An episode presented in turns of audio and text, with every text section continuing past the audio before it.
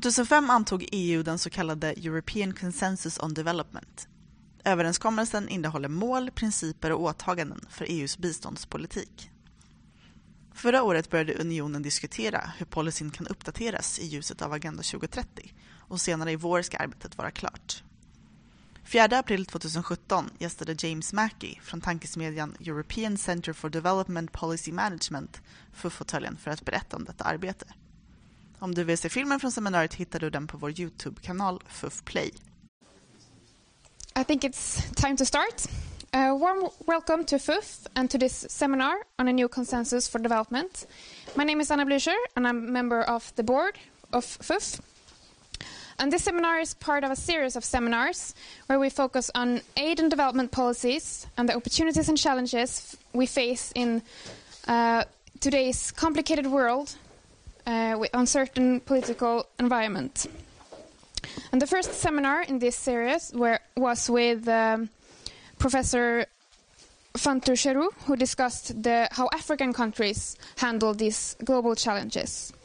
And in a couple of weeks, we will have Hans Magnusson from SIDA discussing the same issue uh, with, from a Latin American perspective. But today we will focus on the European Consensus on Development, which includes common objectives, com common principles, objectives, and commitments of EU's development cooperation. And this policy will be renewed later this spring. So I'm very happy to present James Mackie, uh, who is a specialist on EU development policy from the think tank European Centre for Development Policy Management. And uh, James will take us through the recent discussions on the new policy, and that will follow with some questions from uh, our moderator, Anders Rönquist and Peter Sörbom. And there will also be time for questions from the audience. And we're live streaming this event, so that's why we have to use the microphone. So make sure that you have the microphone before you ask your question, so the people at home will be able to hear you. Thank you very much. Uh, pleasure to be here. Um, and warmly welcome to what we know will be a very exciting session uh, together with James, Peter, and, and all the rest of you. Um, we are looking forward to also having a um, engaged uh, questions, debate, and discussions after the presentation. I don't know, Peter, if you would like to say something. My name is Anders Rönquist. I am uh, representing myself today, but I'm also uh, head of multilateral development cooperation unit at uh, SIDA headquarters here in Stockholm. And we are covering our cooperation with the UN, the multilateral development banks, um, and also the European Union, which is a, a, a cooperation that is increasing um, continuously, and it has um, uh, received a lot of attention over the past, I would say, two to four years, uh, and uh, and also attention on from from our peers at the Ministry of Foreign Affairs, and we are very happy for that. And we look forward to to learning more today from you, James, and getting some some uh, useful and fruitful perspectives that we can also take with us in our future engagement with the EU. So, thank you very much, Peter. Yes, I suppose I should present myself. My name is Peter Sörbom. I'm the head of policy and advocacy at Concord Sweden. Concord Sweden is the national CSO platform for development organizations, and we are also member of Concord Europe, which is the confederation of European CSOs working on EU development policy. And of course, we have been very much involved from the CSO perspective on influencing and having a dialogue with regard to the EU consensus. So I'm very much looking forward to the presentation and the discussion afterwards. Okay, thank you very much. And over to you, James, and uh, warmly welcome to Sweden uh, once again. And uh, I look forward to listening to you now. Bye. Okay, um, well, I'll stand up so I can see my own slide. Uh, Are we in the way here? Well, you won't see very much. Well, you, you can see it on the screen So it's, it's great to be back in uh, Sweden and uh, very kind of uh, good uh, to host this event. Uh, Lennart Wohlgemuth, uh, whom many of you know, I'm sure, insisted that when I was in Stockholm I should make some time available to mm. come and meet you, and it's it's nice to, to have that opportunity and discuss a bit what some of the preoccupations that we have in, in Brussels. ECDPM, for those of you who don't know it, is a Dutch foundation, a think tank, uh, and we focus on EU development cooperation, particularly with Africa. Um, and uh, it's about 30 years old as a foundation um, this sort of background. So very much the, the European level, we would look at national bilateral aid, but always in, in relation to the EU level. Um, and um, so we're very con- um, interested, uh, following this debate with great interest. And basically, what I want to do uh, this evening is to to give you a bit of background for those who are not familiar with it, though many of you will be, and then raise some of my own questions and try and provide you with answers to my questions. and you can uh, you can um, uh, then chip in with your own answers. So uh, the consensus uh, is a document. The existing consensus is a, document that dates back to 2005, um, and um, it's the first time that the EU had a development policy which applied to the whole of the EU. So not just the um, the, the, Commission, not so not just the European institution aid, but also it applies to the member states. And it was agreed. Um, uh, signed very early in 2006, but 2005 was when it was agreed. And it's divided in two parts. There's a part which is uh, about the um, uh, the more sort of uh, visions, principles, uh, um, sort of level, uh, which applies to the Commission and the Member States. And then there's a second part which is more detail about what the Commission itself should concentrate on and how it should work, etc. I would say that most EU member states um, refer to it in their own development policy, but it's not heavily, not strongly integrated in in development uh, in the individual national development policies. But it is based on a level of discussion that took place basically during the um, the 1990s, in uh, where the EU started operating more and more as a, as a group in big UN conferences. So actually, uh, you know, at the the Copenhagen conference in 95 on social development or um, starting Rio 92, um, Beijing. Um, these conferences, the EU really worked as a group, and in those, uh, in those uh, events, they, they, developed a lot of common thinking. Uh, and when we got to 2005, the Commissioner Louis Michel sort of challenged the, uh, the member states and said, look, we agree on so many things, and yet when I travel, I cannot hold up a document and say this is what Europe does as a whole, um, what we believe in. So that was the, the political challenge at the time, and uh, some member states were a bit reluctant. My own United Kingdom, but there's a history to that, as you know. And uh, Denmark was also a bit uh, skeptical, but basically it was agreed and uh, went forward. Then, uh, about six years later, um, there was another document that came out. Uh, sorry, the, so the, if you look at the 2005 consensus, you have sections on the visions, principles, very much centered around the MDGs. Uh, and there's a whole chapter about more aid and another one about better aid, which is based on the Paris Declaration and so efficient effectiveness principles. So it's a fairly logical sort of document in the in the section, and there's those sections on policy coherence and, and so on. In 2011, the Commission decided that actually it wanted to, to push uh, the impact more. So they, they developed a new document called the Agenda for Change, which was not seen as replacing, but rather an add on. Um, and uh, they focus there on governance issues more and also working with the private sector um, and trying to improve the impact uh, of aid. Uh, also, they introduced what was known as the principle of differentiation or graduation uh, policy. That is, that at a certain level of income, countries would no longer uh, qualify for EU aid, and as a result, uh, um, Commission aid is no longer available to countries like India or, or Brazil. So that was an add-on to the consensus. But now, um, uh, 2017 or 20 or 2015, 2016 with the new uh, agenda, uh, 2030 agenda, the Addis uh, agenda for action, Addis Ababa agenda for action, and particularly the, the, Paris Agreement on climate change, these three big documents that we were familiar with um, create a whole new context. And uh, I think that's one of the prime reasons that um, uh, that the the Union has felt it important to, to revise this. I mean, it's a 10 year old document. But up until now, there's never really been the, the, the, the, sort of threshold, if you like, the momentum to do that. But it's also a period of quite a lot of questioning, as we, we know, uh, in the role, uh, what is Europe, uh, uh the strength of Europe as an entity, what's its role in external affairs. Um, HRVP uh, Mogherini has produced the EU global strategy last year, which paints a whole uh, uh, picture of EU's global role. It relates, you know, there's several references in there to the 2030 agenda, which is so the, the links with development are there as well as the security questions and so on.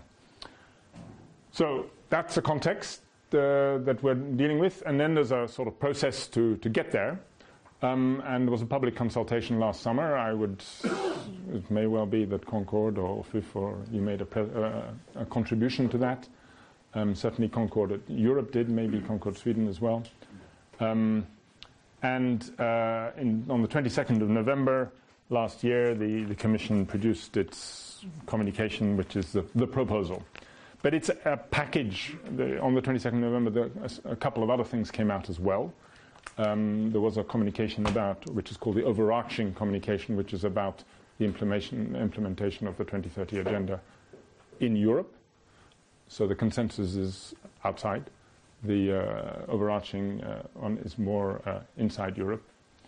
And we now have uh, a dialogue going on between member states and uh, the, the, Commission, um, uh, the Council, and also the Parliament. Parliament takes a deep interest in this, with the expected end date sometime in June, when uh, at the European Development Days in Brussels, they're hoping to sign it. I should perhaps add that the original European consensus is, is, actually quite a unique document. It's not legal, it's a, it's a policy document, but it's actually signed by the three institutions. So the, there was the Parliament, the President of the Parliament, the President of the Commission, and the President of the Council. All three signed it to signify the, the sort of importance it had. So my core four questions are, um, what does the 2030 agenda need from Europe, particularly outside Europe, not so much the, the, the universal part and what we should be doing inside Europe? But what does the EU need from the consensus? I mean, what's, what's a document like that about? What do we need it for? Uh, and then can we identify some priorities, things that the EU should be focusing on um, and at the last the sort of concluding question is, well, okay, given these answers to those, well, what sort of document would it actually be? Um, because there's actually been quite a bit of skepticism about the proposal, um, with people saying, oh, it's a, it's a, long menu of everything and uh, anything under the sun, and where are the priorities, and we, we don't understand it. Yeah. so, uh, as I've already said, uh, the implementation of the 2030 agenda that's covered in another document, which is, uh, which is guided by uh, the Vice President Timmermans um, uh, and the Secretariat General. But outside Europe, basically there's three things. Um, and these, you can derive them from the 2030 agenda. I mean, there's the, uh, the question of European support uh, to other countries' implementation of the 2030 agenda and the AAAA. Um, so that's typically the role of development uh, assistance. Um, but there's also the question of support for global public good. I mean, that is another role that is, is uh, identified in the, uh, in the um, uh, agenda. Um, and clearly, Europe has, has long sort of believe, is a strong believer in multilateralism and so on, and so does want to contribute to the global public good. And then there's support to the global governance of the implementation of the 2030 agenda. I mean, it's not the 2030 agenda, as you know, is not a, a mandatory document, but it has been signed by all the uh, member states of the United Nations. And, but it, because it isn't mandatory, there's no sanctions attached to it. The governance aspect is actually quite important. I mean, uh, you, we need to be seen to be investing in it, if you like, to convince uh, all member states of the Union, of the United Nations, that this is an important thing and that it appears. My suggestion is that it actually also, the way it's constructed, the fact that we're dealing with a, um, uh, an agenda that is uh, agreed by all member states uh, of the all countries in the world, the members of the Union, uh, of the United Nations, Um, and the way it was developed with uh, a long period of consultation itself, the 2030 agenda, uh, rather different from the MDGs. We're, we're actually uh, looking at a new form of development, uh, international development, um, and we're no longer really in the realms of the north-south model. I mean, there's all sorts of difficulties with that, uh, and particularly the G77 group uh, will, uh, plus China will say, no, no, we, we've, we've moved on, so we have to do, think of something different. So that's, I put that in italics because to me that's actually quite an important question.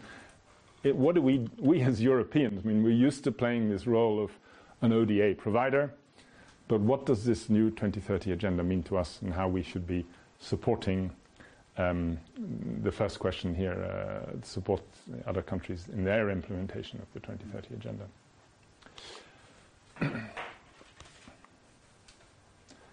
so, uh, what does the EU need from the consensus? And uh, I mean, that may seem a bit obvious, but um, if you look at these strategic documents, I mean, one of the issues is obviously to guide the use of European Union ODA, so official development assistance.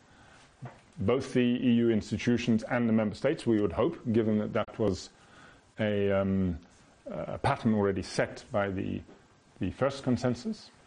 So that's the first thing. So, what guidance for the ODA, the use of the ODA? It's also, I mean, we, we did an evaluation uh, about seven or eight years ago now of the old consensus about after it went through five years. And this struck us as actually quite important, this second purpose. That because it's, uh, it's a um, it's a sort of overarching document which doesn't, it applies to the member states of the Union and the Commission and the institutions, but actually it's also something that other development actors coalesce around as well. Concord, members, etc. It doesn't govern Concord, but Concord will recognize within it uh, principles that it agrees with, some more than others, and and also uh, you know private sector actors. Um, uh, you know, you have in there a sort of statement of what Europe, if you like, is going to do. And um, you need to have, therefore, a, a, document that pulls in, creates momentum, if you like, uh, for a, a, European effort which goes beyond the official ODA uh, and uh, others would, um, uh, would recognize and, and, support. And that, that is actually quite a strategic goal which isn't necessarily spelled out in black and white, but uh, uh, you know, if you're really going to create a European movement on development cooperation or development international, that is actually quite important. But then lastly, there's this question of accountability. And um, talking to MEPs, you can see that they're actually quite bemused by the new proposal because it doesn't actually spell out very clearly the EU is going to concentrate on this and this uh, in a, you know, one, two, or three points. These are the priorities, and this is our, our focus areas. And with these ones, we don't see a, a value in us uh, focusing on, and Commission will focus on that, and member states will focus on this. It doesn't do that. So then, what do MEPs? How do they hold? How do they hold the institutions to account? I mean, and also civil society. I mean, how do you then go and sort of have a discussion with the Commission whether they're doing the job and, and so on? Um, so it's actually quite important for that. And it's also a question for accountability to development partners, to, to partner um, to uh, uh, governments in Africa or Asia or wherever. Um, this is what the European Union is about. Uh, they can see that, then they can say, well, you say you're going to do this, but then you end up, you, you prioritize all these other things and what's going on, you know, and how accountable really are you, you know, and uh, so the, the accountability principle can be extended uh, quite far. And I think that is, is one of the areas of, uh, of questioning at the moment is do we need a document which allows for this, the, these things? And some people would argue that the current, uh, the current document doesn't really do that, the current proposal. Now, then my next question was what priorities? So what should EU be focusing on? Um, so the, uh, the 2030 agenda, the uh, Addis uh, action uh, agenda focuses on uh, ODA as one uh, form of financing for development within a basket. It's no longer, it's no longer just seen on its own, it's uh, seen as part of a, a, range of different types of financing for development. So, private sector financing, remittances from migration, South South cooperation. Um, there's a range there which are, are really recognized by, um, uh, you know, now become much more recognized they, it wasn't. It isn't the first time that they they were so well recognized in the UN document. You also find it if you go back to the the Monterrey uh, consensus, the Monterrey Financing for Development Conference in 2002. So there was already a recognition of other forms of financing for development. But the MGD, MDGs got rather focused on development cooperation, the ODA. I mean, it became very ODA oriented, and I think what we had with Addis conference was to, to try and shift away from that and recognize that that other um, uh, other forms of finance are are extremely important. And uh, I was involved in the um, uh, the drafting of the, the last European report on development, which came out just before the Addis conference. And there we, we did some calculations and some graphs showing that ODA is actually a tiny proportion of the of what really finances development. I mean, it's a, it's a small, uh, it's, it's quite a precious commodity, if you like, but it's, it's a small commodity, uh, a small type of financing. And the big, uh, the big uh, financing for development sources are domestic uh, resource mobilization, so revenue in, in developing countries, private sector uh, financing, both foreign direct investment, but also local um, private investment and uh, remittances, much bigger, three times the size of ODA. So, you know, ODA is really quite a small bit of the, the puzzle. Uh, it's a very flexible bit of the puzzle, if you like, in, uh, of the financing uh, for development, but it's not all there is. And the other point which was picked up, uh, which is uh, very much in the AAAA, is that it's not just about money, it's also about the policies you use. I mean, if you think about it a bit, if you, if you have a bad policy, and you spend money on it, it tends to be wasted. If you have a good policy, it tends to attract more money because people say, ah, the success will invest in that sort of approach. So you don't just think about the money by itself, you have to think the combination policy, right policy and, um, and money. And this uh, phrase, um, means of implementation, is the other big element of, uh, of, uh, of the AAA. Um, and there's a reference there to, to policies, to trade, to science and technology, all these things which also contribute as well as the, the finance. So Addis Financing for Development Conference wasn't just about money, it was actually about how you use money. So you could follow the, um, if you think, well, what are the priorities? You, you could, you could follow the Addis uh, document and actually, the, con- the, priorities are actually pretty consistent with EU ideas, reflecting the fact that, of course, that the EU is quite involved, member states and the Commission, in uh, lobbying uh, in the leading up to, uh, in the drafting leading up uh, to Addis. So uh, you'll find uh, quite a lot about the need to focus on poorest countries with ODA, LDCs, and these paragraph numbers are the, the numbers in the, in the document that the Commission has produced, so the proposal. Um, there's a whole discussion again about more aid uh, uh, and better aid, the, the, Paris Declaration and those paragraphs. So, so it's there already in, in, uh, in, the, uh, in the document the Commission has produced, and you'll find it uh, in, in. ODA um, to catalyze other forms of financing for development. Rather than spending money on a health program, maybe you should spend money on improving the, the tax system in a country. Because that, if you spend money on tax system, that should collect more taxes, and perhaps you have a multiplier effect.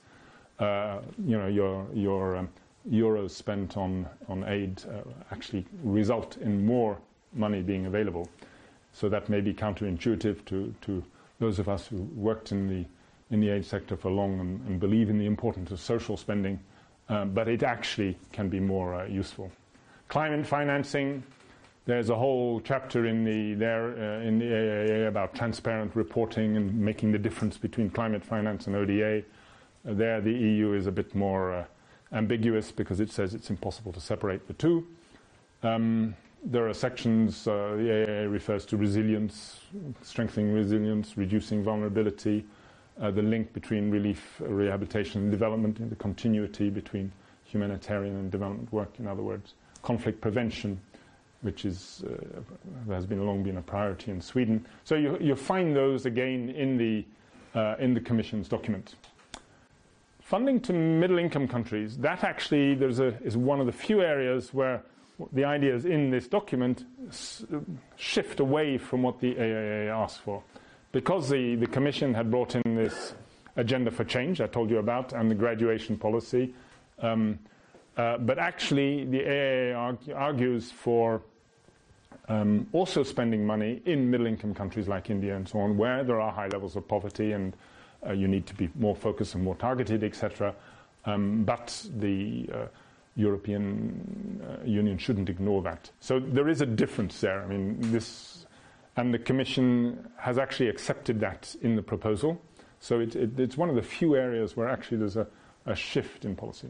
Then global public goods uh, and governance of the SDG. So all these priorities are, with the exception of the MICs, where the uh, the Commission has shifted to recognize what is being said in the. Uh, everything else is more or less. I mean, there's, there's continuity, and uh, we, we, we, recognize it. And this emphasis on the strategic and ca- catalytic use of ODA is, comes out quite strongly. But already we had elements of that in the agenda for change, so um, it's again is not too much of a surprise. But this is where we land up with problems because, in a sense, the AAA has everything in it because it's an amalgam of what all member states in the United Nations want, and it doesn't really help us make priority to, to say uh, to, to take priorities because it is so comprehensive. So then these questions, what is the EU's value added in all this? Uh, that's, it, it doesn't really come out. And how do you achieve some sort of division of labor with uh, between EU member states, bilateral aid, and, and the, the multilateral form of the EU, the, the pooled aid in the EU. Again, that's not, the AAA is not going to give you the answers to that, and the Commission hasn't answered that in the, in the proposal as far as uh, I'm concerned. So, um, to conclude, um, I think what you're getting there for is um, the, the Commission in their proposal has basically taken the, the, uh, SD, the 2030 agenda. It has, uh, if you've looked at it, you'll see that they've taken the five Ps, the, the, the prosperity, uh, people, uh, um, peace, uh, what are the other two? But anyway, you, you get the picture. Um, and planet, thank you, very important. Um, and they've structured the document around that. It's gone through it, so it, it's quite. And partnerships is the, the fifth one. So there, they, they've they've followed quite religiously, if you like, the introduction to the 2030 agenda and said, okay, fine, we'll address the 2030 agenda. And in a sense, what they're doing is saying, let's, they're respecting what has been agreed at the international level, and they've you know said, fine, we can do this, we can do this, do this under each of these headings. Um, we'll make a contribution here and here and here. Um, but you don't get this sort of list of priorities. So, so, yes, you do get support for the global movement around the SDGs, but it's not ideal for this accountability role, which is also important. Um, uh, that's where the MEPs start worrying. You know, they say, "Okay, we can see you're addressing the, SDG, uh, the SDGs, but how are we going to, you know, what are you actually going to do here? I mean, what are your priorities, and how do we know that you're, you're, you're moved forward, and so on? And you're certainly getting no indication of uh, a division of labor uh, with member states uh, and the, uh, the, uh, the, the, Commission. I mean, that, that isn't addressed. It's not an easy topic, and for years now, I mean, the, the, the uh, Code of Conduct on Division of Labor, which the EU does have, is 10 years old already. It's 2007 it was agreed. Um, and it's not been an easy thing to follow. But there have been efforts, uh, and the last round of programming that the EU got involved in, they did joint programming with the member states, and that, that worked in, in about 40 countries. Uh, you've got some level of joint programming. So the idea of division of labor continues, even though it isn't necessarily very pushed. But what we're not getting any guidance from this proposal as to um, uh, as to what uh, what the future holds. I mean, we're not getting a strategic approach to it. So my guess, but I mean, maybe uh, you can tell us more from an, an, insider point of view. my guess is that they're actually going to come up with a second document. That what we've got at the moment will be the the, uh, the, the background document, the you know the argumentation. Here are the links with the 2030 agenda, but uh, attached to it there will be uh, an annex or the strategy itself, uh, which will be much more uh, something which will be much shorter probably, uh, what I would hope, and it's something that um, will serve the accountability function, will, will give much more guidance on what the real strategy is. But they don't have much time to do it, and so um, it's a bit of a challenge. Thanks a lot.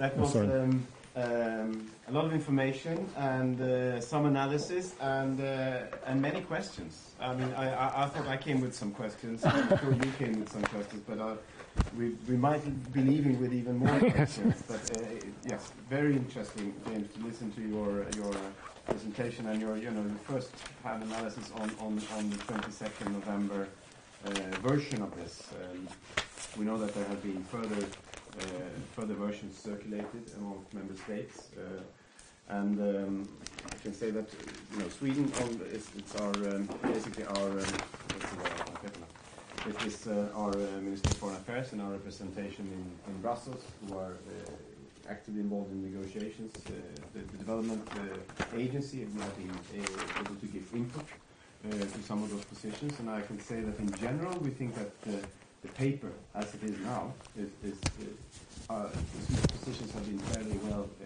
catered for, and, and they are, uh, you know, in, you, can, you can see a lot of text that, that uh, resonates with the Swedish priorities terms of poverty, focus on poverty alleviation, sustainable development, the alienation to, sorry, the, the, the alignment to, uh, to uh, the, the global agenda for sustainable development. Um, the gender text has been strengthened. we think also that in terms of peace uh, building uh, has also been reinforced.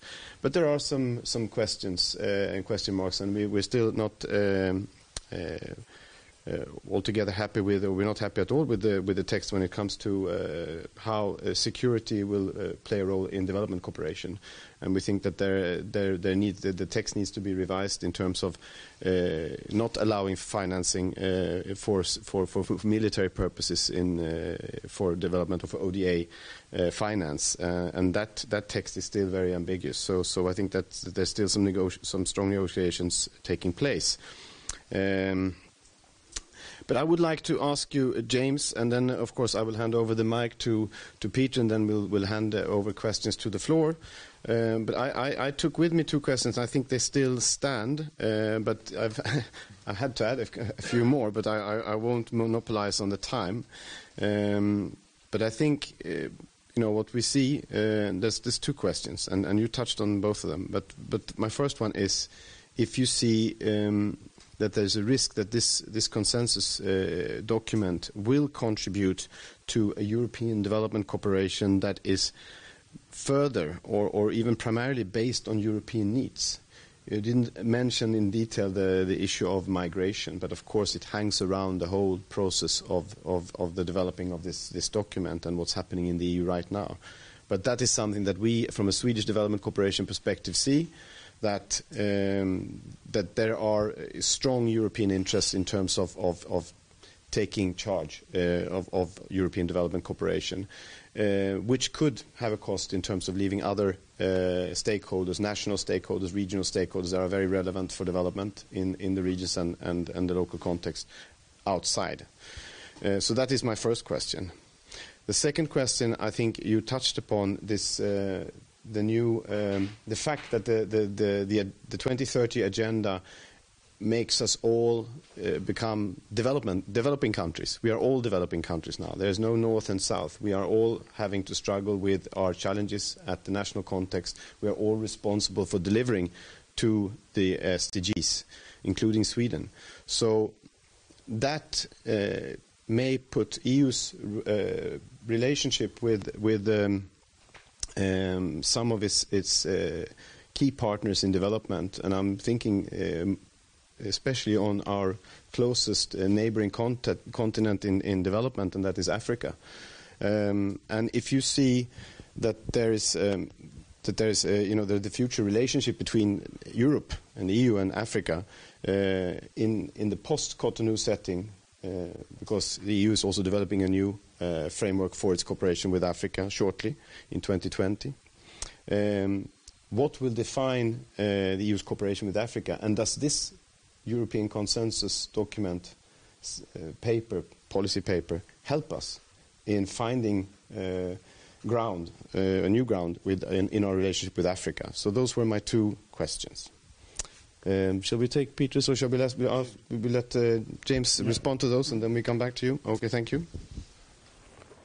Um, so first of all, the, the, risk of it serving the European needs more than the, um, the development cooperation needs. I mean, this is certainly uh, one of the problems with the current climate that we're working in. That um, uh, the the debate in, in Brussels has become very focused or, or very preoccupied with the uh, um, the uh, the migration uh, issue in particular, and uh, um, I mean, we we in ECDPM we talk about policy PCM, policy coherence for migration.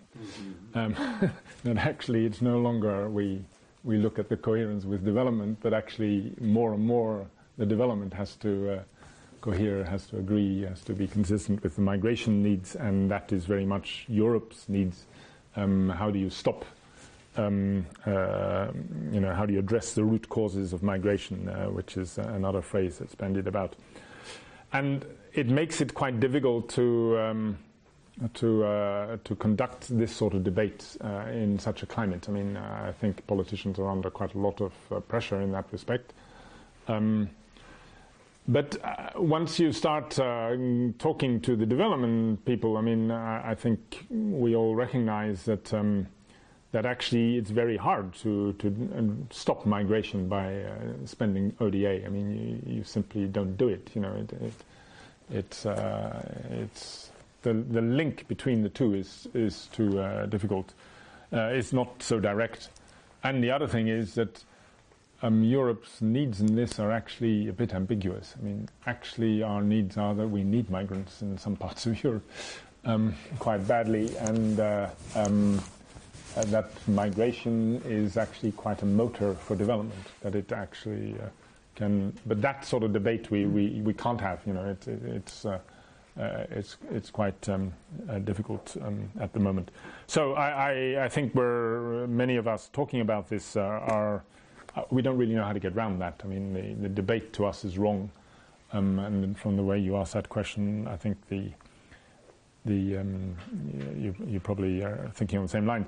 But at the same time, I would say that um, that uh, in the discussion with developing countries, and particularly some of the, the, the slightly better off ones, I mean, the, the, lower middle income countries or something, and Africa to a large extent as well, um, there is a, a, certain feeling that, that um, it would be good if Europe was a bit more upfront with what it actually wants itself out of uh, things, you know, that let's not beat about the bush. Uh, let's, uh, let's, could you please say exactly what you want and uh, why you're interested in this or, or, or that?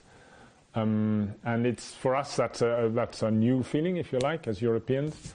Uh, how do we do this in a way which, at the same time, is supportive to to needs? And there, I think the the 2030 agenda. One would hope that actually, because it is something that um, that is drafted uh, by with a lot of uh, developing country input mm. that actually you could say, fine, if we address that agenda, then surely you know we, we are on the right track. The the question really then becomes that uh, the ODA should really be focused on the on the least developed countries where the, the poverty really is, uh, the, and more and more poverty is becoming focused in least developed countries. So there's big pockets in, in MICs as well. Um, uh, and um, there, in a sense, you can go back to your, your traditional agenda of social development and so on, but you should also have the governance agenda. You, you should be looking at uh, raising other forms of financing for development. And there, um, uh, I mean, it's been stated in the 2030 agenda, in the Addis uh, agenda, um, focus ODA on on LDC. So if we're in that sort of uh, uh, area, I would have thought that um, we're not really taking charge too much. Um, but uh, it's not a clear answer I'm giving. I mean, I think it's a, it's a balancing act, and um, uh, I, I, don't really have a clear answer. On uh, universe, the universality aspect, um, certainly uh, this the um, the 2030 agenda, its big innovation, of course, one of the big innovations is, of course, that it's a universal agenda, so that it applies to us all. We all have to um, uh, um, tackle it.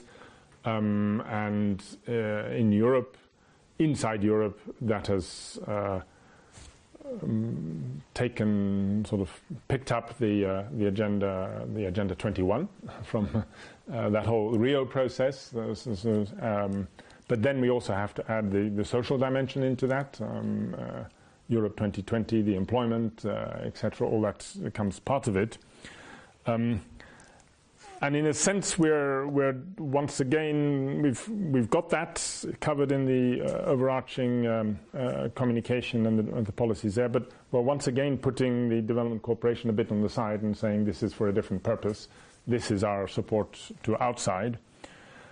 What will define uh, our role with Africa? Um, I mean, we've got an EU-Africa summit coming up at the end of the year, November, end of November, in Abidjan, and uh, um, I think migration is likely to be pretty high on the agenda from the European side. The African side will probably also be willing to talk about migration, but they will talk about it in a different way. I mean, the, the agendas are don't meet very easily. I mean, that was what we saw in the Valletta summit. Um, uh, uh, African countries are more preoccupied with migration inside Africa. Um, that's that's what big, what the big, where the big numbers are for them. Um, obviously, there's uh, um, I mean, if you read some of the recent documents coming out of the AU, this this report by um, Paul Kagame for um, the uh, reform of the African Union, and he puts quite a lot of emphasis in it on the fact that uh, um, Africa should should be tackling the problem of uh, African citizens drowning in the Mediterranean. You know, this this isn't just a European issue; it is for us as well, but. Um, you know, uh, that's the intention, but then actually getting down to practice. Uh, I mean, I, I, was surprised to see the strength of that statement, but I, I mean, uh, it's good that he's doing that. Um, how will that play inside the, the African Union? Uh, I don't know. And of course, Africa has much more choice in terms of ODA now. I mean, it's, EU is not the only provider of ODA, nor the only provider of investment. Um, and if we are willing as Europeans to to perhaps focus less on the poverty and the social things and put more money into the, the economic uh, growth, the industrialization agenda which the Africans are pushing. Um, I mean, that sort of goes against what we did with the MDGs, etc. But it's, it is what they're asking for. And if we're willing to do that because it creates jobs, which hopefully will reduce migration, um, you might find that the uh, agenda start to meet more. But it, it probably means that there will be less less money on, on social development. And the European Parliament is not about to, to let that happen yet. I mean, they're still talking about 20% of EU ODA, the European Union uh, managed ODA, should go into social development. I mean, that's still a, a goal that they picked up after the Copenhagen conference.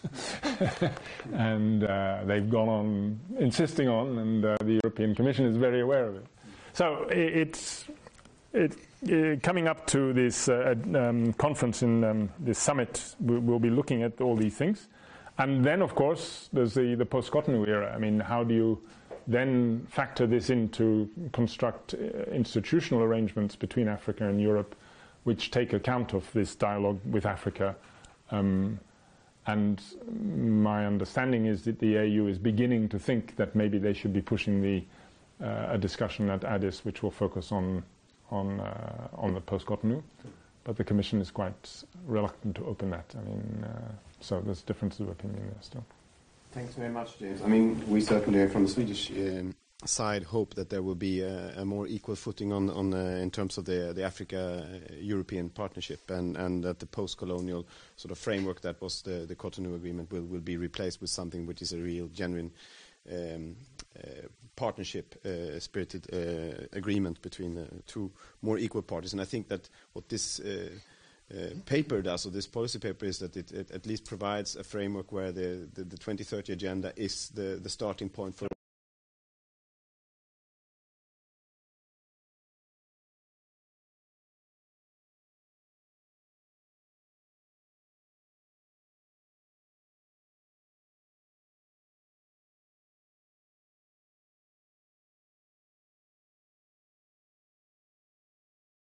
process, and we are at the moment looking uh, closely at the what we hope is the latest draft, and we are part of consultations both at the Brussels level and at the national level. So, if you would like some more detailed information on the position of, of European CSOs, please enter our website where we have our recommendations for the EU consensus. Um, I would like to start with two questions. The first one is linked to what you started with, which was looking back to 2005 and the the first EU consensus. And given your experience and given the the the the work that has been done by ECDPM evaluating uh, EU aid and the EU consensus, if we would assess and evaluate the the, the consensus and the agenda for change so far. Uh, to what extent has the EU consensus really guided both EC aid and member states aid? Because as you said, this policy is supposed to guide and give direction to both member states and, and, and the Commission. Where do you see some success stories and where are the main obstacles regarding bringing all the member states together? And the second question linked to that, if that is not the case, and that is that the EU consensus is first and foremost a policy for for the Commission development cooperation. Where do you see uh, from recent years uh, analysis, where do you see the added value of EC aid? Where can you, where can we see that the the EU, with its own development cooperation, has um, achieved better results than bilateral ODA in order to sort of identify the, the, the added value for, for EU to, to coordinate development cooperation. I realized that that was two questions in one, but it, they are linked to each other based on, on your analysis of whether or not this has guided really the member states.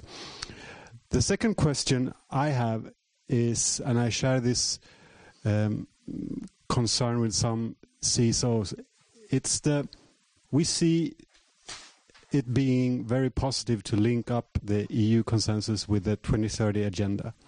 But given the context, and Anders touched upon the, the current context within the EU to look at EU interest first and foremost in some regards, given this context and that you have this holistic approach of EU consensus delivering on, on the 2030 agenda, on the one hand, you can see it as something positive uh, in the sense that it, the ODA will play a catalytic role. It will be a, a, a, holistic way of looking at development cooperation. That's the positive aspect of, of bringing the entire 2030 agenda.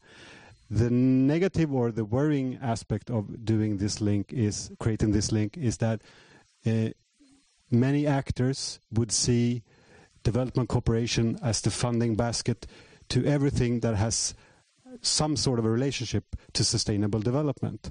And this is linked to the securitization of aid or using ODA for migration matters or climate matters or in refugee costs and so forth. So how do you see this risk of uh, linking it so, so obviously with the 2030 agenda and expecting the consensus to deliver? Because at the same time, the EU is also preparing an action plan for the entire agenda. So is there a risk of making ODA funding all sorts of activities that it shouldn't fund?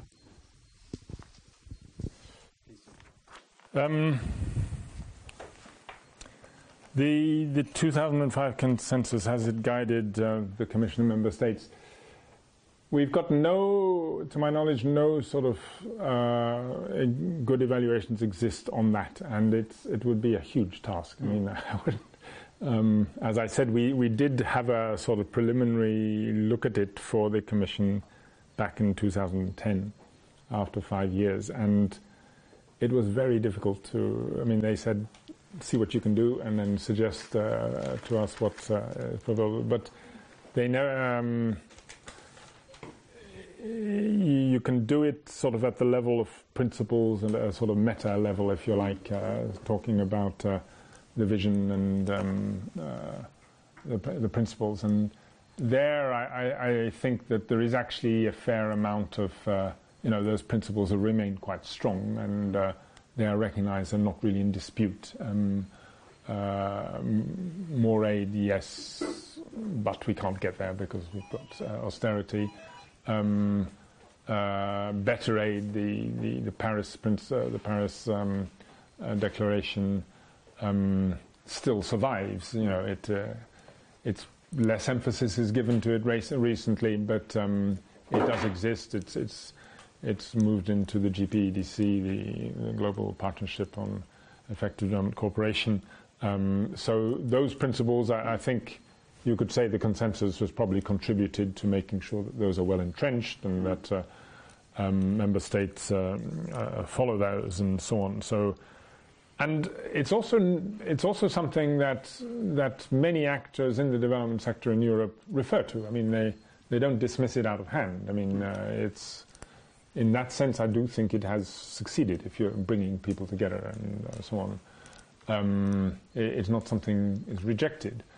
Um, and uh, where I think member states and the Commission use it as a group is probably at the country level more that uh, you will hear uh, when you talk to ambassadors or staff in embassies and delegations, and probably that's reflected in Sida as well, that they will say, you know, when we go as a group to meet the government of the development partner, we take it along and say, this is our starting point, you know, this is our, our common denominator, and we build up from here. And Sweden may then decide to do this, and Britain may be decide to do that, but uh, this is. So there, I think it has been used. But I do feel that member states are not very explicit in, uh, in their adherence to it. In fact, if you study their things, they don't often really depart from the basic vision and principles much. I mean, there's, there's very little. I mean, I, I haven't done the comparison recently, but the last time I looked at that, you, you, didn't, you don't see shocking differences, if you like. So, in that sense, um, uh, you don't. Um, uh, in that sense, I do think the, the consensus has has probably contributed to that uh, uh, having a, a, paradigm, if you like, that uh, that is still accepted uh, and is built on. Um, but I'd be interested in other views. What is the value added of the European Commission? I mean, this, uh, I mean, certainly volume is important.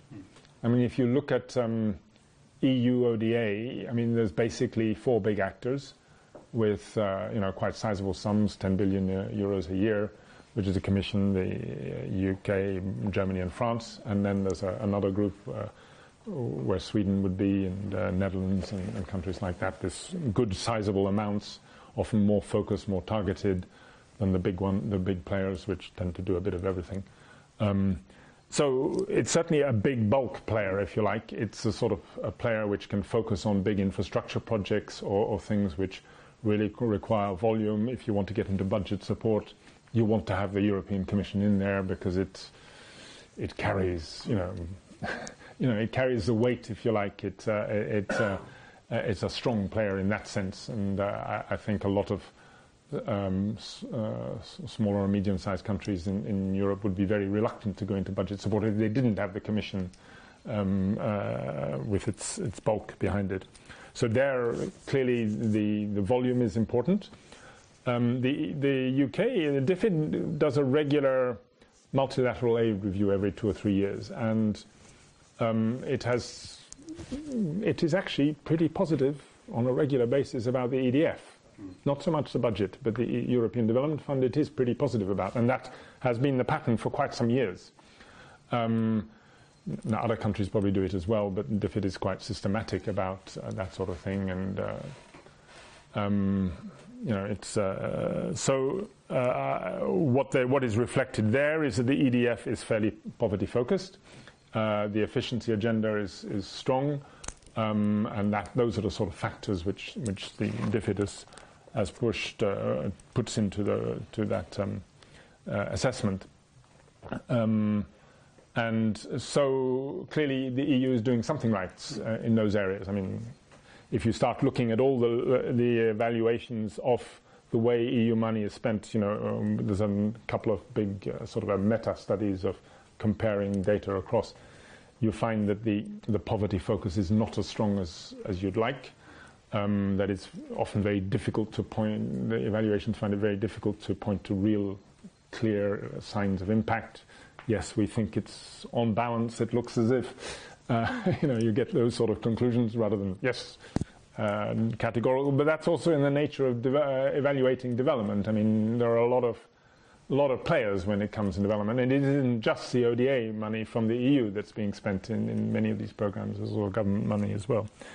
But uh, I mean, I do think, therefore, uh, the, the, the big volume, the um, the uh, the um, the effectiveness criteria is followed uh, quite strongly.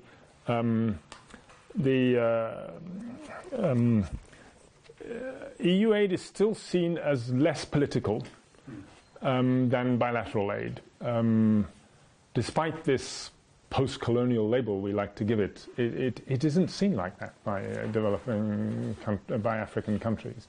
I mean, they think British aid or French aid is much more political. Um, Sweden probably less, but I'm sure there's a bit of that as well. And it's more predictable European aid because it's agreed on, on five to seven year cycles.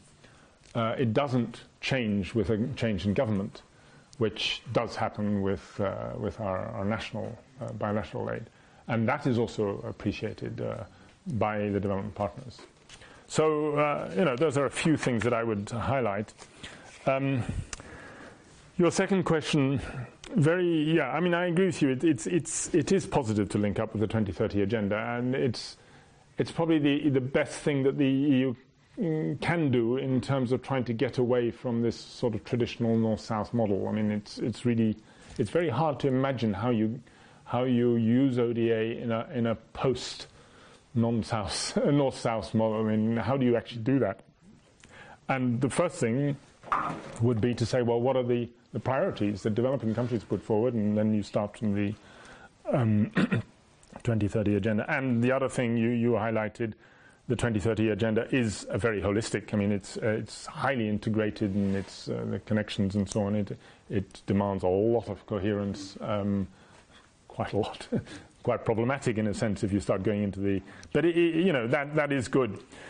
Um, I wouldn't put the question of the funding basket for everything. I mean, I, I, actually think the, the issue here is to say that ODA will not fund everything. That's precisely the message of the Africa, of the Addis agenda, that ODA is a small part of what finances development. It's not what's the only thing. Um, and uh, uh, it needs to be used wisely and strategically. So that would be my response to that. We, we shouldn't go once again go back like we did with after Monterrey with the MDGs and say uh, and talk to our populations here about ODA uh, is what finances development cooperation. It isn't. It's a tiny proportion only.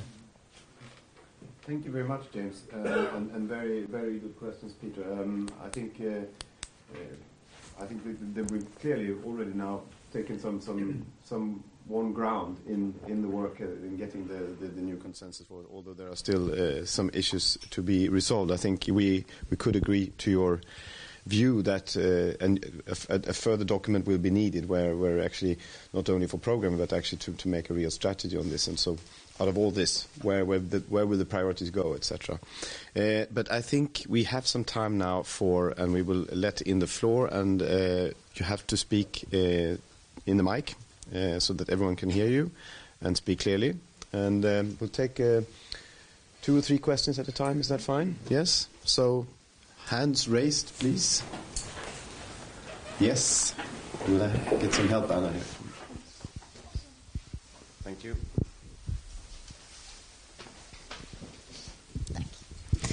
Hi, I, my name is Amanda, and I have a question regarding. You were talking about um, how does this with the focus on structural aid, on institutional um, development, maybe in tax systems and and similar. I was just wondering, is can you see any uh, shift in focus towards that uh, that kind of development aiding? Uh, because you were talking also about this um, uh, the problem of uh, the political influence of bilateral aid, um, and I was thinking maybe this kind of aid is more appropriate to use for institutional development. So, do you see any more um, any shift towards that kind of development?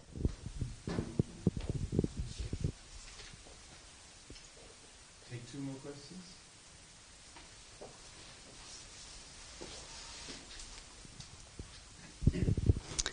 Uh, I'm Lena Lindberg from uh, the Afghan- Swedish Afghanistan Committee. Uh, we have seen an example of great harm from uh, interventions by uh, donor countries, so-called donor countries, and and there was a proportion of uh, of uh, 100 to 5 uh, of, of military intervention costs to, to development aid in the country. And of course, now the consensus document is not looking at military interventions, but uh, what can the the consensus uh, discussion do to look at the old concept of do no harm?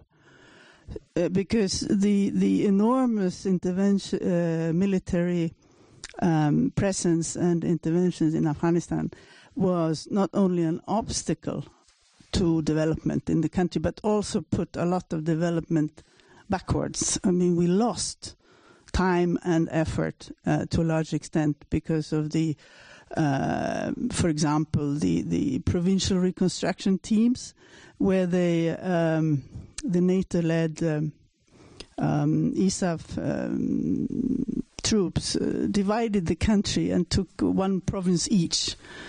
Uh, totally leaving the state and government outside of interventions, and thereby uh, undermining people's um, trust in its own government, which we were supposed to be building up. So, so how can this kind of document look at the do no harm uh, and and at least discuss it before we list all the good things we want to do? Thank you. Thank you. We take one more question. Yes, it. My na- excuse me. My name is Bertil Odén. Uh, I uh, uh, I would like you to elaborate a little bit on. You have just touched upon this uh, um, need of moving away from the north-south uh, perspective when uh, discussing or analyzing uh, future ODA and uh, also the, the broader development context. It's it's a very big thing, but I, I would very much like you to uh, elaborate about the thinking going on uh, both in in the Commission and also within the ECDPM. Okay, so thank you very much. Can take the mic. Uh, just for clarify what you said, that the consensus does not uh, include uh, military, but it actually does, and that is, uh, you know, one of the, the challenges that Sweden sees with the document. It's, it actually says that um, member states can also engage with security sector actors, including military actors, under exceptional circumstances, to build their capacity to provide security for, for ensuring sustainable development. There we have a problem. Just to to clarify that, James, over to you. Okay, thank you. Um, do we see a, shift towards more structural uh, aid on, tax system? I haven't actually. Support to tax systems is, is not something I've actually detected a, shift on that yet. I mean, uh, I must admit I haven't really studied it. I mean, we do have um, some. There's been some evidence in some countries where they have invested more in tax systems, the government, um, and uh, um, they've re- uh, been able to increase their tax take. Uh, there's quite a few papers on uh, on how tax levels are increasing in certain developing countries. Um, that they have um, uh, had international cooperation from that, not always from Europe, but also from other developing countries. Um, so I wouldn't be able to say yes, there's a trend of using more for, uh, more aid in that direction. But uh, I think some of the bilateral donors uh, in Europe have looked at it. I, I can't think of a, um, okay, a European U- uh, Commission case. I mean, maybe you, you have uh, knowledge of that, but I, I can't actually recollect. Uh, uh, so yes, probably the bilateral are exploring the bilateral uh, uh, donors are exploring it more than the European Commission is, which is uh, um, is. I mean, the European Commission is more predictable in its aid. I said earlier, but it's also often difficult to shift. Um, and they have this principle of they shouldn't spread themselves too thinly. So when they're programming, they, they focus on two or three areas maximum. Um, and that, I think, probably precludes them from taking too many uh, sort of experimental uh, things, and, which is a bit of a, a, problem. I mean, I did some work on research, um, spend, spend DevCo, uh, DG development spending on, on research and innovation, and there was very little of that. And because it was never a focus sector, you got it if agriculture was a focus sector, and then agriculture involved some research you would find it. But um, so there may be. I mean, uh, it's often very difficult to know precisely unless you actually really go into this. Uh, you have a, an excuse to really study it. But I, I couldn't um, answer it. The question of military spending and um, development spending. I mean. Uh, I mean, obviously, the the military spending it is not covered in, in by the the consensus. I mean, that's not the policy document that should govern that. What you should, fi- where you should find the strategy on that is the, the global strategy, the EU global strategy, and the way it sees um, uh, threats and uh, what Europe should and shouldn't be uh, tackling in, in terms of. Uh, um, but often the, I, I think the um, um where development cooperation money has been used for on the military side, which is a, uh, a, a, more specialist aspect of this, but is this securitization of aid, is really that the mm, what is it something like two billion euros of the EDF have been used over the last ten years to to fund African Union peacekeeping forces, not their arms, not their, but to pay stipends and so on off peacekeeping troops. Um, and there is a lot of controversy about that. I mean, it's, it's something that some, many member states and civil society is pursuing. What, what it has achieved, which I think is extremely positive, it is actually put you know, it's African peacekeeping forces which are now doing the, the real peacekeeping work in Africa. It is not European. And coming from a country which tended to uh, go in for these little military adventures in, in Sierra Leone or wherever, I mean, that's a, a, welcome shift from my point of view. I mean, it's, it's good that, uh, that the African Union is paying for that, uh, is uh, managing those peacekeeping mm. operations. Um, its argument is this should be paid for by the global community. These are uh, these security problems that we have in Africa are not home, not just homegrown. I mean, okay, there's some of it, but they come from global tensions, and we would like to have United Nations uh, funding for that on on a um, on the usual system that is used for United Nations forces. Uh, and the intention in the European Union, uh, uh, looking at the Africa Peace Facility, which is funded from the EDF, is to, to actually reduce the amount of money going to, to PSOs, to, to, um, to uh, um, uh, peacekeeping forces. But the real answer to your question is that, uh, to me, it, I don't think it's the consensus that really is the place where you will you will get this this control of military spending, if you like. What are we spending uh, our military uh, defense budgets on? That should come from the, the, global strategy and from the national strategies. I mean, um, uh, our politicians. Um, uh, so I don't know. I mean, it's uh, perhaps not quite the uh, what you, you would hope for. But um, I, do, I, do, I, do, think that it's, it's more on the military side and the political decisions governing the use of military funding that uh, is where we, we need to look at that. Um, this question of challenge, the challenge of moving away from. Um, uh, I don't think there's much reflection on it, in fact. I mean, uh, even among my colleagues at ECDPM, it's not it's not a common topic yet, and uh, I I've had one or two uh, sort of heated arguments about this because. I mean, basically, if you take it from a principled point of view, is that you, you should be extending the principle of ownership up to the level of uh, of uh, the use of ODA. I mean, that's uh, not just ownership of projects and programs, but ownership of the, the public goods that are ODA, if you like. Um, and how do you spend that? And uh, you then say, fine, well, can you sell, can we convert the EDF, for instance, into a fund which is is uh, the develop, development partners in Africa or wherever have more control over rather than less control over. But that is going against what many people working in aid administration are, are arguing. I mean, if, particularly if you look at the European Commission, there is a, a, a feeling among um, uh, delegation staff that actually the principle of joint management, which is very much ingrained in the Cotonou Agreement and uh, uh, EDF, is, is a mistake. That it actually slows things down, makes it more heavy, and that it's used by the the uh, the government to to move the money around where they want and favour the things that they want, and that allows space for corruption, etc. But then you sort of think, well, you know, if if we're really trying to put the ownership into their hands, uh, then maybe we should be letting go. And there is a uh, a major contradiction there, which I think, in a way, we're shying away from, but we're not really tackling yet. Um, uh, and it's it's a big it's a big uh, it's a big one to, to change. I think. Mm. Thank you very much, James. Um, and I think we have I've seen two hands uh, raised, so we'll continue with uh, with questions from the from the audience. And I think Stefan, you were the first.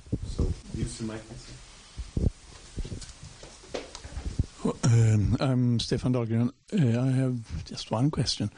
Um, I get a feeling that there are a lot of built-in paradoxes in, in what you're saying, and that, that's also what you tried to point it out.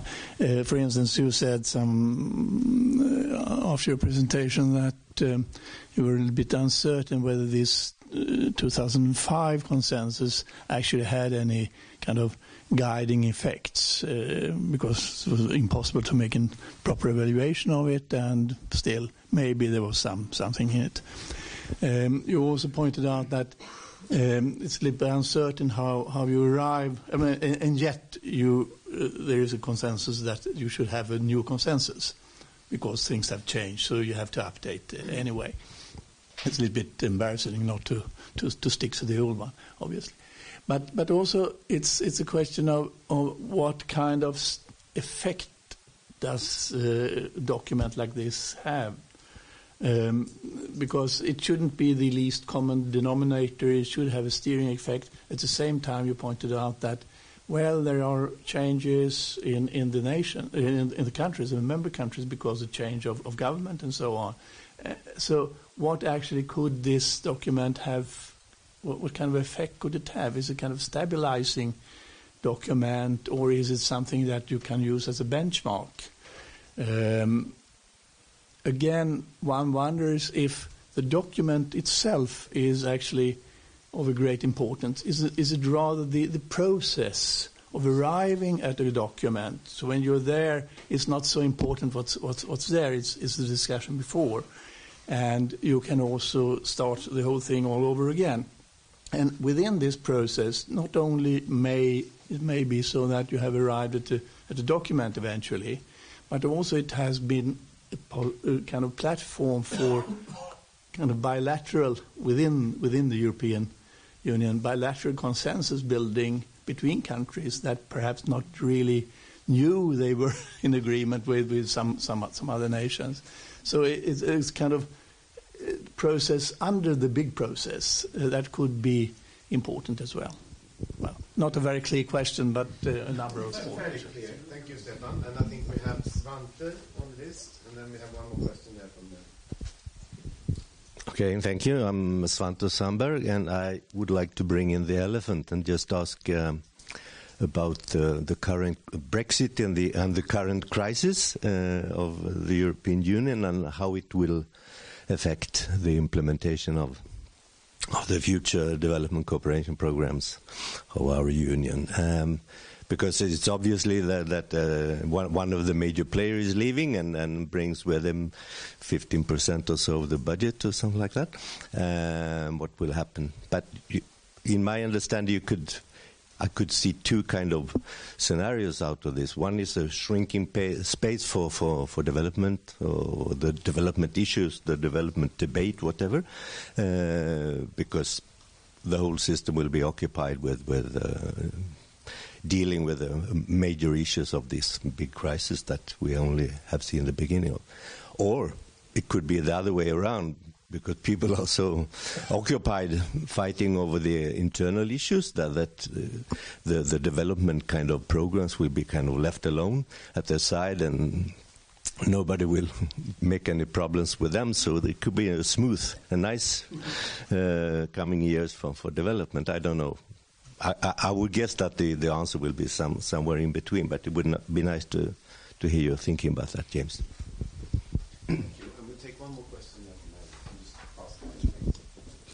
Uh, my name is Astrid, and uh, I'm wondering if you know what is the uh, what do other international major donors think of this consensus, and what's in general the stand of, for example, USAID or JICA?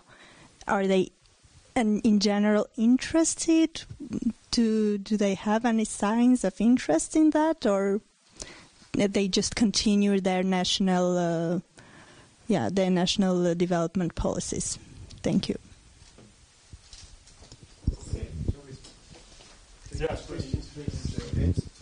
Um, yeah, uh, your point, uh, Stefan. Um, I think you're right. I mean, in the sense that it isn't the document itself that is the key thing. It's the, the dialogue that goes around it and uh, both before and after. Um, but at some point you crystallize it. You, you say, fine, we, we set it down, we, we, we take a snapshot, uh, and that is what we'll work with, and you build on. on uh, but it, the dialogue goes on, you know, I mean, that, that's clearly the case. Um, the, the benchmark, I mean, there's very few quantitative figures in there. I mean, the, the classic one, which is never met, is the 0.7%. I mean, here in in Sweden, you, you meet it, uh, and Britain has only just met it two or three years ago. Um, uh, but Luxembourg meets it. Netherlands is no longer meeting it. Uh, uh you know, so, but it, it, doesn't really. Well, it, it's still the EU goes on saying we will, we're seeking, we're aiming to, and uh, so on. But it doesn't actually have much impact uh, as a benchmark in, in that sense. But I, I think the, the aid, uh, the effectiveness principles, the, the better aid uh, agenda, that is something that's, yeah, I mean, I, I, would say that that is a benchmark that's, uh, uh, that most uh, European donors do, do. Maybe it's still a bit of a common, a lowest common denominator, but it's, it's accepted and it certainly serves as a a point to start the discussion from. I mean, uh, if you have a problem with effectiveness in a particular place and the the, uh, um, the European group of uh, donors are meeting, you know, that's that's where they'll start. They're saying, look, we're not we're not adhering to our own commitments here, and what, what can we do about that? Um, uh, but yes, I think the, the function of a document like that is really the coalescing function. I said, you know, that it, it does help uh, to to bring donors together and make them feel that actually, yes, well, we do agree, we did agree to some things, and we, we still do until further notice, uh, formally, um, and that we should work on that basis. And I think that be, extends beyond the signatories. I mean, I, I, do think it has an impact on the on the private sector, on the uh, on the um, uh, uh, civil society. Uh, I mean the private sector has has been very welcoming of the 2030 agenda in many ways. You know, so now we know where you want to go officially, and I think on a less, much lesser scale, the consensus can have that sort of impact as well. Um, it gives them a sort of point of reference, if you like. Maybe a point of reference is uh, the best way to put it. So uh, it's one moment in time, and it'll uh, the discussion will go on. Um, Uh, Svante's uh, question. Yeah, Brexit is, um, well, a disastrous result for many of us who believe in Europe, of which uh, 48% of the British population didn't agree. and uh, certain parts of Europe, uh, certain parts of the UK agreed more than others. Um, uh, what um, well, I think we simply don't know what effect it'll have. I mean, you, you can, we're, we're, we're guessing. I mean, we're, we really are. Um, the, um, uh, one would, clearly DFID has invent, uh, invested a lot in research and knowledge and so on, which has been recognized uh, across Europe and has seen, been seen as quite an important input in, in improving quality, not just British aid, but, uh, you know, it, it has had ripple effects and um, so on. I would have thought that that will go on. Um, and that it'll be possible to go on exchanging knowledge and uh, acting using um, pull, taking advantage of that knowledge that uh, uh, DFID generates. Um, I think we need to ask, well, what would the EU do if um, mean, what are the British? I mean, British aren't always the most helpful, haven't always been the most helpful players, too. I mean, like joint programming, British haven't really been the biggest players in that. I mean, it's, uh, and perhaps without the British there, it'll actually be easier to go down the joint programming road, easier to get uh, um, a consensus in country uh, on what are the priorities and how the Europe's going to work together. Uh, I mean, a lot will depend on the sort of position that the French and the Germans take, because I mean, they will suddenly be, well, not suddenly, but there will be, uh, they're already big players, but there will be one less big player there, and so, uh, but not just the the bigger players. I mean, countries like Sweden and Netherlands will will have more space too. Is it? Will the nature of EU aid change because the British are not pulling it in a certain direction? Um, and the center of gravity will shift somewhere else. I mean, uh, that, that's possible as well. I haven't seen any studies on that, but uh, um, maybe without DFID sort of pushing its point of view, which it can be pretty forceful about, that you know suddenly the French will shine, you know. oh, I don't know, you know, uh, or Sweden. so uh, you know, it, it's. I don't think we should just see it in negative light. There are some discussions about the money. Um, and this has actually been suggested that this is one argument not to um, budgetize the EDF, which is another old debate for those of you who follow European affairs, putting the European Development Fund, which is currently outside the budget, into the budget. The Commission has argued that for years. The Parliament has tended to argue for that, though they, they changed a bit last time. Um, if you kept it outside, maybe it would be possible for the British to go on contributing without it being quite seen as quite so negative or playing as a you know uh, in in too negative a way for the British press. Um, you could sort of perhaps fudge a bit where this this is not money going into Europe; it's going into the development fund for Africa, you know, or something like another international. Yeah, exactly, another international player, you know, and we've got uh, a track record, record of good assessments or something. So there, there is possibly some, but it's pure speculation, and we just do not know what the negotiations, which in the end of the day will be the, the, the factor. Um, and a lot of this is about presentation. I mean, the way Theresa May is, is talking, it's not necessarily talking to the continental audience, it's talking to her. Uh, her Brexiteers who are watching her back, you know, and looking at her back all the time, and uh, that I think you, you really have to pay that in. But I mean, in Britain, we have to really put her on the spot and much more. And there, it's unfortunate that the Labour Party is in such a disarray, though I'm proud as a Scot to be seeing my uh, government sort of pushing her a, a, bit more and asking awkward questions and uh, and sort of trying to be an opposition there, even though it's a, a small part of the UK.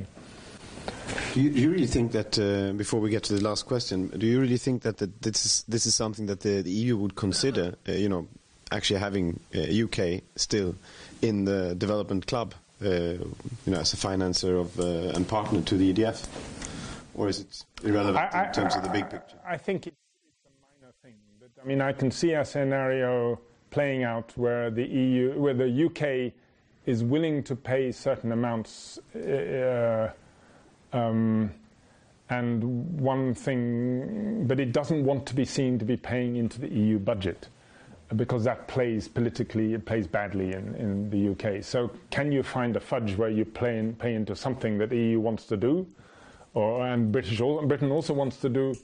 Um, and uh, I mean, it's it's the the EDF is large enough to make an impact on the EU budget of something like uh, three uh, percent. I mean, it's it's big. So one of the reasons why it has never been budgetized is precisely because it is so big.